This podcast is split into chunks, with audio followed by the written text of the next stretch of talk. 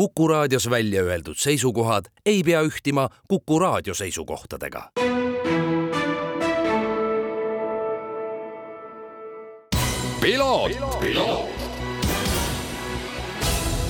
tervist, head Kuku raadio kuulajad, eetris on järjekordne saade Piloot ja stuudios saatejuht Margus Kiiver kätte on jõudnud see aeg aastast, kui eestlasi erutavates mootorispordisarjades on kas maailmameistrid juba selgunud või kohe-kohe selgumas ja sellist äh, huvitavat põnevust äh, enam väga palju järgi ei ole. Silly season, nagu öeldakse selle kohta, mis tähendab siis seda, et juba räägitakse järgmistest hooaegadest ja ka sellest, kes kus sõitma hakkab. ja seetõttu ongi meil võimalus sellel nädalal selles saates rääkida natukene sellisel teemal, nagu seda on spordipesu ja Lähis-Ida mootorisport. Need käivad äh, paratamatult käsikäes ning selline väljend nagu spordipesu on viimasel ajal olnud aina rohkem ja rohkem kõlanud ja seda just äh, Lähis-Ida võtmes.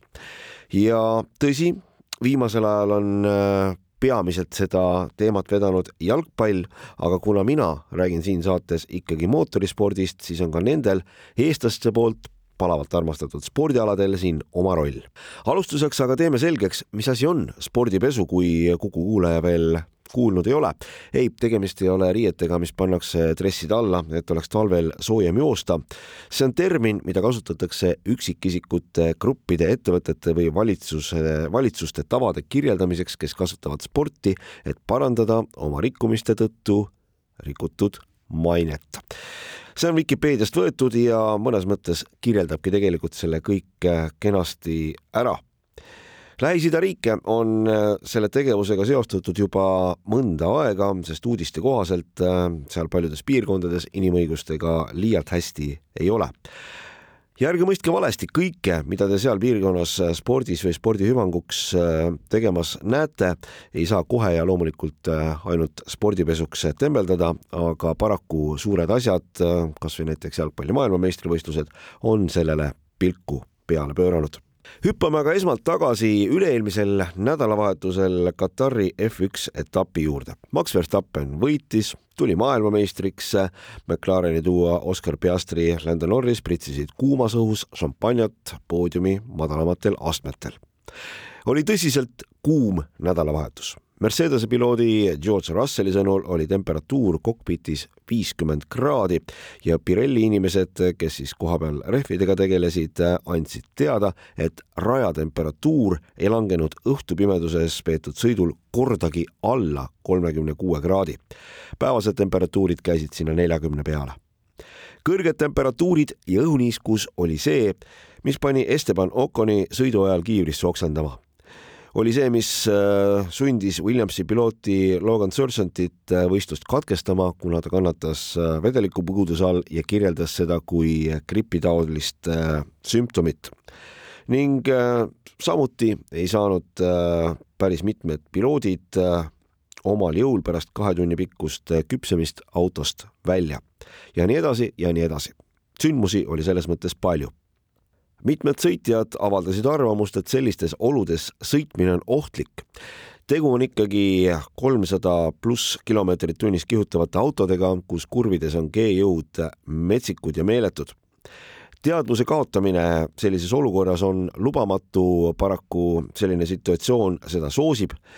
Ja see kõik on ohtlik eeskätt sõitjale endale ja siis juba ka teistele pilootidele ning nende eludele seetõttu olin pisut üllatunud, kui see teema liiga palju tähelepanu peale võistlust ei tekitanud. konstateeriti fakti, jah, oli palav, jah, nad on suured ja tugevad sportlased, nad peaksid nende asjadega hakkama saama. ilmus välja ka kindlasti vanemaid tegijaid, oh meie omal ajal rahvusvaheline autoliit FIA küll markeeris probleemi ära, tuues välja olukorra ohtlikkuse, kuid samas tõdes, et kahe tuhande kahekümne neljandal aastal sõidetakse Katari GP esimesel detsembril, kui enam nii kuumasid temperatuure pole. Õnneks aga viiakse antud teema lauda peatselt Pariisis toimuval FIA meditsiinilise komisjoni koosolekul ja loodetavasti seal suudavad asjaga rohkem kursis olevad inimesed sellele ka pädeva hinnangu anda raske öelda, kas mõne Euroopa raja puhul käsitletaks sõitjate jaoks ebameeldivaid ja ka ohtlikke teemasid samamoodi või teisiti. paljud seotud osapooled saavad väga selgelt aru, et Lähis-Ida raha voolamine mootorisporti on neile positiivne ja selle manageerimisel tuleb käituda ettevaatlikult. üks on selge, mootorisport on Lähis-Idas jõuliselt kanda kinnitanud ja riigiti on eesmärgid erinevad. Üks on kindlasti turism, mis on sellele piirkonnale oluline majandusharu kahe tuhande kahekümne kolmanda aasta esimese kolme kuuga külastas näiteks Saudi Araabiat seitse koma kaheksa miljonit turisti, mis on kuuekümne nelja protsendiline kasv võrreldes sama perioodiga kahe tuhande üheksateistkümnendal aastal on selge, et kogu seda glamuuri läbi rahvusvaheliste suurvõistluste nagu F1 näidates ollakse pildis ja inimestel tekib tahes-tahtmata huvi sinna minna. Mootorispordi võtmes, mis maailmas aina rohkem ja rohkem rohelisemaks muutuma peaks, on see hea võimalus ka selle piirkonna õlifirmadele. Saudi Araabia riiklik kütusehiid Aramco kes on siis ka F1 sarja üks toetajaid, on selgelt välja öelnud, et koos F1 sarjaga arendavad nad tuleviku tarbeks puhtamaid kütuseid. taas ilusad eesmärgid. Teeme veel ühe põika ajalukku. esimene Lähis-Ida ringrada, kus F1 etapp sõideti, oli kahe tuhande neljandal aastal Bahreinis. iseenesest päris pikk aeg ja olin isegi natuke üllatunud, et see nii-nii ammu toimus viis aastat hiljem sõideti etapp juba Abu Dhabis Yas Marina ringrajal ning tänaseks sõidetakse selles piirkonnas kokku neli etappi.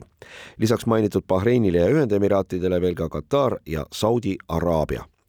Ning kõik neli on ennast kalendrisse kinnitanud, nagu tavat-, tavatsetakse öelda, et jääda ilmselgelt on tekitanud see küsimusi, et kas nelja F1 etapi sõitmine ühes piirkonnas on mõistlik, aga kuna raha liigub sealtpoolt piisavalt palju, siis ei ole F1 sarja promootoril Liberty Medial põhjust nii-öelda kätt ette panna. samuti võib mõnel kuulajal tekkida, et äh, miks on olnud siin praegusel hetkel juttu ainult F1 teemal. Põhjus on lihtne, sealkandis alla maailma tippsarja ei mõelda. motomaailmas oleks vasteks MotoGP ja lühidalt saab öelda, et kõik see, mis sobib F1 sarjale, sobib ka teistele sarjadele, alustades kereautodest ja lõpetades ka juba kestvussõitudega asi läheb huvitavaks aga nüüd, kui räägin teile selle piirkonna tulevikuplaanidest ja eks igaüks otsustab ise, kas on see spordipesu või tõsine soov mootorisporti arendada. On täiesti arusaadav, kui sellises mahus äh, raha aastate kaupa sisse pannakse, siis mingil hetkel tahetakse näha ka oma riigi kodanikke poodiumil seismas Nendest riikidest Saudi Araabia on asja väga tõsiselt käsile võtnud. Saudi Araabia mootorispordi föderatsiooni juurde on loodud riiklik Saudi Motorsport Company, mis koondab siis enda alla kõik Saudi Araabias toimuvad mootorispordivõistlused ning selle eesmärgiks on äh, siis loomulikult äh, riigile raha sisse tuua ehk siis puhas kommertsprojekt juba täna kuuluvad nende portfooliosse kohalik F1 etapp, Dakari maratonralli, mis Lähis-Idas sõidetakse, Extreme E-sari ja palju muud ning kindlasti on ambitsioonid suured täna töötavad erinevate projektide juures väga paljud eurooplased, kellel on suured kogemused selles vallas ja eriti palju on kohapeal britte.